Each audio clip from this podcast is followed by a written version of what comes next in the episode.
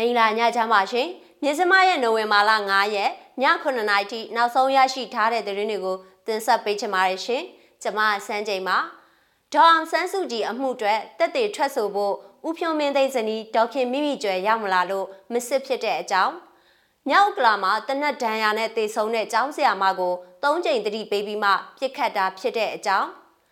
NUG ငွေတိုက်စားချုပ်တွေကိုဘလို့ဝယ်ယူလို့ရနိုင်မှာလဲဆိုတဲ့အကြောင်းနဲ့ အင်္ဂလန်စိတ်ကမ်းတွေမှာမကြုံစဘူးပိတ်ဆို့မှုကိုကြံ့ကြံ့ခိုင်ရင်ဆိုင်နေရတဲ့တဲ့။အဆရှိတဲ့ပြည်တွင်းနဲ့နိုင်ငံတကာသတင်းတွေကိုတင်ဆက်ပေးပါတော့မယ်ရှင်။ပထမဆုံးတင်ဆက်ပေးခြင်းတဲ့သတင်းကတော့နိုင်ငံတော်အတိုင်ပင်ခံပုဂ္ဂိုလ်ဒေါ်အောင်ဆန်းစုကြည်ကိုစစ်ကောင်စီကဆွဲဆိုထားတဲ့အဂတိမှုလေးမှုကိုဒီကနေ့နိုဝင်ဘာလ9ရက်မှာနေပြည်တော်ကတည်တံ့တရားရုံးမှာစစ်ဆေးခဲ့တယ်လို့ BBC သတင်းတရက်မှာဖော်ပြထားပါတယ်။ အမှုလေးမှုတဲကရန်ကုန်တိုင်းဝင်ကြီးချုပ်ဟောင်းဦးဖြိုးမင်းသိန်းထံကရွှေနဲ့ဒေါ်လာတွေရယူတယ်ဆိုပြီးဒေါ်အောင်ဆန်းစုကြည်တဦးတဲကိုအဂတိလိုက်စားမှုတိုက်ဖြတ်ရေးဥပဒေပုံမှန်55နဲ့ဆွဲဆိုထားတဲ့အမှုတွေတရလိုပြတက်တဲ့ဖြစ်စစ်ကောင်စီဘက်ကတင်သွင်းထားတဲ့ဦးဖြိုးမင်းသိန်းရဲ့ဇနီးဒေါခင်မိမိကျွဲဟာတရခွင်ကိုရောက်မလာတာကြောင့်မစစ်ဆေးဖြစ်ဘူးလို့ရှေ့နေအတိုင်းဝိုင်းကိုကိုးကားပြီး BBC ကရေးသားထားပါတယ်။ မူလကဒီကနေ့ရုံချိန်မှာဒေါခင်မိမိကျွဲကိုတက်သေးဖြစ်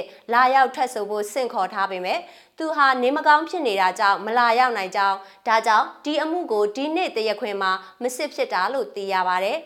ဒေါခင်ကြီးဖောင်ဒေးရှင်းနဲ့ဆက်ဆက်ပြီးဆွဲဆိုထားတဲ့အမှုနှမှုရာဇဝတ်ကြီးအမှုအမှတ်3နဲ့4အတွက်ကိုတော့စစ်ဆေးခဲ့ပြီးဒီကနေ့မှာစစ်ကောင်စီဘက်ကတင်တဲ့နေပြည်တော်စီပင်ဌာနမူဟောင်းဦးစိုးနိုင်ကိုဒေါအောင်ဆန်းစုကြည်ဒေါက်တာမျိုးအောင် ဦးရဲမင်းဦးဦးမင်းသူတို့ကိုစားရှေ့နေတွေကပြန်လည်မေးခွန်းတွေမေးမြန်းခဲ့ပြီးစစ်ဆေးချက်ရလဒ်တွေလည်းကောင်းမွန်အားရတယ်လို့ဆိုပါတယ်။ ဒီနေ့လေးမှုမှာဒေါခင်မိမိကျွဲမလာရောက်တာကြောင့်တက်တေမစစ်နိုင်တဲ့အမှုနဲ့နောက်ထပ်ဒေါခင်ကြီးဖောင်ဒေးရှင်းနဲ့ဆက်ဆက်လို့လာရောင်သောစီမံကိန်းတဲ့ဒေါအောင်ဆန်းစုကြည်နေထိုင်ဖို့အိမ်ဆောက်တယ်ဆိုတဲ့အချက်နဲ့ဒေါအောင်ဆန်းစုကြည်တဦးတည်းကိုဆွဲဆိုထားတဲ့ရာဇဝတ်ကြီးအမှုအမှတ်9တို့ကိုလည်းမစစ်ဆေးခဲ့ပဲနောက်တစ်ကြိမ်ရုံးချင်းကိုနိုဝင်ဘာလ12ရက်ကိုပြန်လည်ချိန်ဆိုထားပါတယ်။ နောက်ယုံချင်းမှာရာဇဝတ်ကြီးအမှုအမှတ်9အတွက်တရလူပြတက်တေတွေကိုစတင်စစ်ဆေးမယ်လို့သိရပြီးဒေါခင်မိမိကျွဲကိုလည်းတက်တေဖြစ်ဆက်လက်ဆင့်ခေါ်မယ်လို့သိရပါတယ်ရှင်။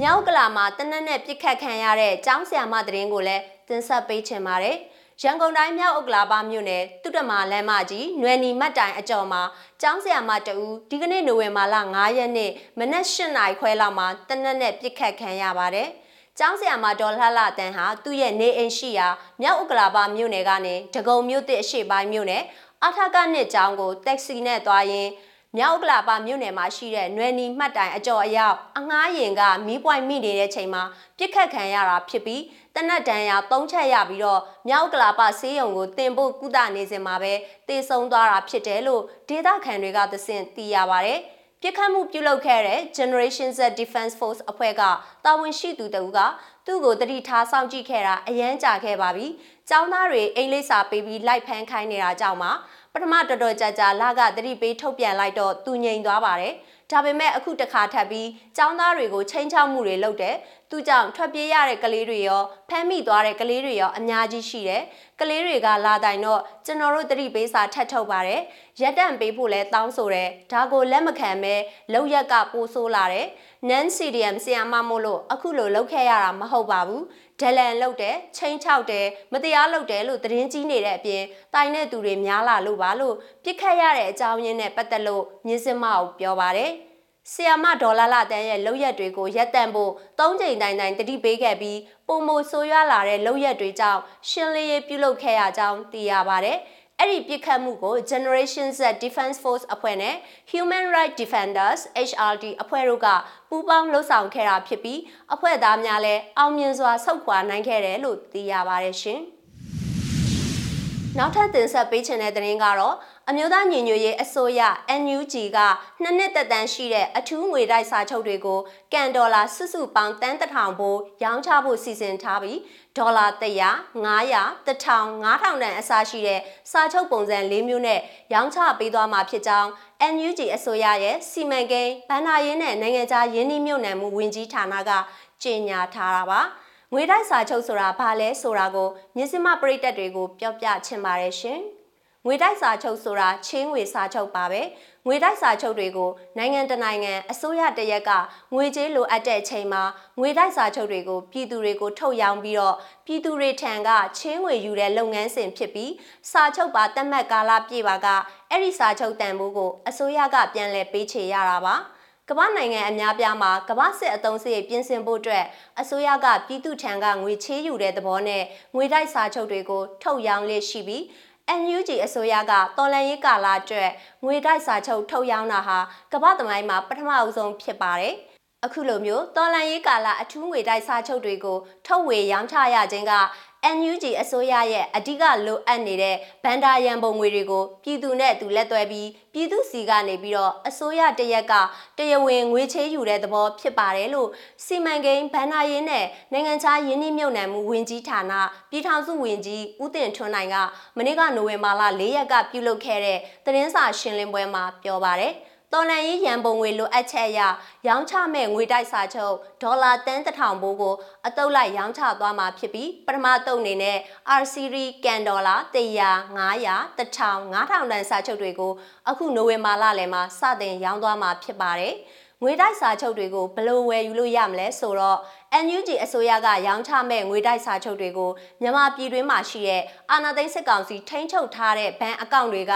အထူးသဖြင့်မြန်မာကျပ်ငွေနဲ့ဝယ်ယူလို့ရမှာမဟုတ်ပဲနိုင်ငံခြားငွေအမေရိကန်ဒေါ်လာနဲ့သာဝယ်ယူရရှိနိုင်မှာဖြစ်ပြီးစာချုပ်တန်ဖိုးပေးဆောင်ရမယ့်ငွေကြေးတွေကိုလည်း NUG အစိုးရရဲ့နိုင်ငံခြားဘဏ်အကောင့်တွေစီကိုပဲလွှဲပြောင်းပေးအပ်ရမှာဖြစ်ပါတယ်။ ဒါကြောင့်နိုင်ငံတကာကိုရောက်ရှိနေသူတွေကငွေတိုက်စာချုပ်တွေကိုအလွယ်တကူဝယ်ယူရရှိနိုင်မှာဖြစ်ပေမဲ့လည်းမြန်မာပြည်တွင်းကဝယ်ယူလိုသူတွေအနေနဲ့နိုင်ငံခြားရောက်ယုံကြည်စိတ်ချရတဲ့မိတ်ဆွေတွေနဲ့သာမိမိကိုယ်စားချိတ်ဆက်ဝယ်ယူနိုင်မှာဖြစ်ကြောင်းစီမံကိန်းဗန်နာရေးနဲ့နိုင်ငံခြားယင်းနှိမ့်မြုပ်နှံမှုဝင်ကြီးဌာနပြည်ထောင်စုဝင်ကြီးဦးတင်ထွန်းနိုင်ကပြောပါရယ်။ ငွေတိုက်စာချုပ်ဟာတခြားကိစ္စရဲ့လိုမျိုးလှူတာမျိုးမဟုတ်ပါဘူးမိမိဝယ်ထားတဲ့ငွေတိုက်စာချုပ်မှာမိမိရဲ့ပိုင်ဆိုင်မှုဖြစ်တဲ့ဆိုတဲ့အချက်အရေးကြီးပါတယ်နောက်တစ်ချိန်မှာကျွန်တော်တို့ဒေါ်လာရေးပြီးကာလမှာငွေတိုက်စာချုပ်တွေကိုပြန်လည်ပြီးတော့ရွေးနှုတ်ခွင့်ပေါ့နော်ငွေတိုက်စာချုပ်တွေကိုဝယ်ထားတဲ့ပြည်သူစီပြန်လည်ပေးအပ်သွားရမယ့်အချိန်ရောက်ရင်ဝယ်ထားတဲ့ကရကန်ရှင်က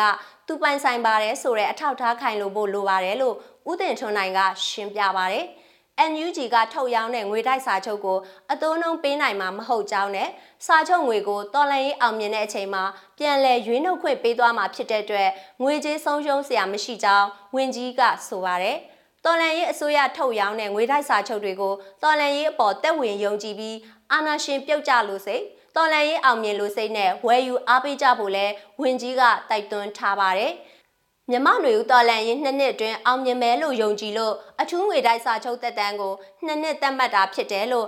NUG စီမံကိန်းဗန္နာရေးနဲ့နိုင်ငံခြားယင်းနှိမ့်မြုပ်နှံမှုဝင်ကြီးဌာနပြည်ထောင်စုဝင်ကြီးဦးတင်ထွန်းနိုင်ကမနေ့ကသတင်းစာရှင်းလင်းပွဲမှာထုတ်ဖော်ပြောခဲ့ပါတယ်။တော်လန်ရေးအောင်မြင်ရမယ်လို့ခံယူချက်နဲ့ရောင်းချတာဖြစ်တဲ့အတွက်တော်လန်ရေးအောင်မြင်မှုအတွက်အာမခံချက်ပေးနိုင်မယ်လို့ဦးတင်ထွန်းနိုင်ကပြောပါတယ်။ လက်တလုံးမှာ NUG အစိုးရကရောင်းချမဲ့ငွေတိုက်စာချုပ်တွေကိုဝယ်ယူဖို့ကြိုတင်ကမ်းလှမ်းမှုတွေလည်းရှိနေပြီးစာချုပ်တွေဝယ်ယူရမယ့်အချိန်ရောက်ပါကထုတ်ပြန်အသိပေးသွားမယ်လို့ NUG အစိုးရစီမံကိန်းဗန်နာရေးနဲ့နိုင်ငံခြားယင်းနှိမ့်မြုပ်နှံမှုဝင်ကြီးဌာနဝင်ကြီးကပြောပါရရှင်နိုင်ငံတကာဘက်မှာတော့အင်္ဂလန်စိတ်ကမ်းတွေမှာမကြုံစဘူးပိတ်ဆို့မှုကိုကြံ့ကြံ့ခိုင်းရင်ဆိုင်နေရတဲ့သတင်းကိုလည်းကြည့်ရှုနားဆင်ကြရအောင်ပါရှင်။ တင်မောတင်ပို့မှုနောက်ကျခြင်းကနေလော်ရီကားမောင်းသူရှားပါမှုအထိအခက်အခဲကြုံနေရတဲ့ပြည်ထောင်ဟာ EU ကနှုတ်ထွက်ခဲ့မှုနဲ့ကိုဗစ်ကရောဂါနောက်ပိုင်းကာလမှာပုံမဆိုးဝါးတဲ့ထောက်ပံ့ရေးကွင်းဆက်အကျက်တဲကိုရင်ဆိုင်နေရပါတယ်။ကမ္ဘာလုံးဆိုင်ရာစီးပွားရေးများပြန်လည်ဖွင့်လှစ်ခြင်းကြောင့်တကြောပြန်ဝယ်လိုအားမြင့်တက်လာမှုကထောက်ပံ့ရေးဆိုင်ရာပိတ်ဆို့မှုကိုဖန်တီးပေးခဲ့ပြီးပြည်ပလုပ်သားများအတွက်ပုံမတင်းကျပ်တဲ့လူဝင်မှုကြီးကြပ်ရေးစည်းမျဉ်းတွေနဲ့ဘျူရိုကရေစီများကြောင့်လုပ်သားလိုအပ်ချက်အခက်အခဲကို ပုံမဆိုးဝါးစေခဲ့ပါတယ်။ဒါပေမဲ့ Postmark အပြည်ပြည်ဆိုင်ရာစိတ်ကမ်းမှာရှိတဲ့စီမံခန့်ခွဲရေးမှုကသူတို့အနေနဲ့မှုန်တိုင်းတန်ကိုကြမ်းကြံခံပြီးစိတ်ကမ်းတွေမှာပုံမကြီးမားတဲ့ပိတ်ဆို့မှုကိုဖြေလျှော့နိုင်ဖို့ကြိုးပမ်းသွားမယ်လို့ဆိုပါတယ်။အင်္ဂလန်နိုင်ငံတောင်ဘက်ကမ်းရိုးတန်းရှိစိတ်ကမ်းဒရိုက်တာမိုက်ဆယ်လာကတော့၎င်းရဲ့ဆယ်စုနှစ်ချီတဲ့လုံသက်များအတွင်ယခုအခြေအနေဟာမကြုံစဘူးဖြစ်တယ်လို့ဆိုပါတယ်ကျွန်တော်စိတ်ကမ်းလုပ်ငန်းမှာနှစ်30လောက်နေခဲ့တာ ဒီလိုဆိုးဝါးတဲ့မှုန်တိုင်းမျိုးတစ်ခါမှမကြုံဘူးဘူးလို့အစီအီနေရာချထားတဲ့ကွန်တိန်နာတောင်တန်းကြီးတွေကိုနောက်ခံထားပြီး၎င်းက AFP ကိုပြောပြခဲ့ပါတယ်။လော်ရီကားနဲ့တင်မောတွေကြားမှာကရင်းတွေသုံးပြီးကွန်တိန်နာတွေရွှေ့ပြောင်းပေးနေတာဟာရှားရှားပါးပါးပေါင်းစပ်မှုဖြစ်တယ်လို့ဆယ်လာကဆိုပါတယ်။အနီးနားက Southampton နဲ့ Fristowy တို့မှာကုန်ချတဲ့တင်မောတွေကိုအချင်းကုန်တက်တာအောင်ကွန်တိန်နာအလွတ်တွေပြန်တင်မပေးလိုက်တာက Postmouth စိတ်ကမ်းမှာပိုပြီးပိတ်ဆို့မှုဖြစ်စေတယ်လို့ဆိုပါတယ်။ကွန်တိန်နာအလွတ်တွေကိုပြန်တင်ပေးလိုက်တဲ့နေ့က Postmouth စိတ်ကမ်းရဲ့ပိတ်ဆို့မှုကိုတက်တာရရစေမယ်လို့ဆယ်လာကခံမှန်းထားပြီးလက်တလုံးအလုံးရေ1000လောက်ကိုဥရောပကတဆင့်အာရှကိုပြန်ပို့လိုက်တယ်လို့ဆယ်လာကဆိုပါတယ်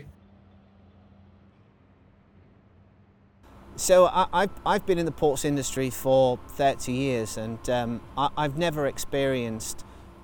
အရင်ကတော့ဒီကွန်တိန်နာအလွတ်တွေကိုပြန်တင်ပေးလေရှိပါတယ်။ဒါပေမဲ့စိတ်ကမ်းတွေမှာစိုက်ကပ်ဖို့ရောက်နေတဲ့တင်မောတွေများလာတဲ့အခါအချိန်ကုန်တက်တာအောင်အလွတ်တွေပြန်တင်မပေးတော့ဘူးလို့၎င်းကဆိုပါတယ်။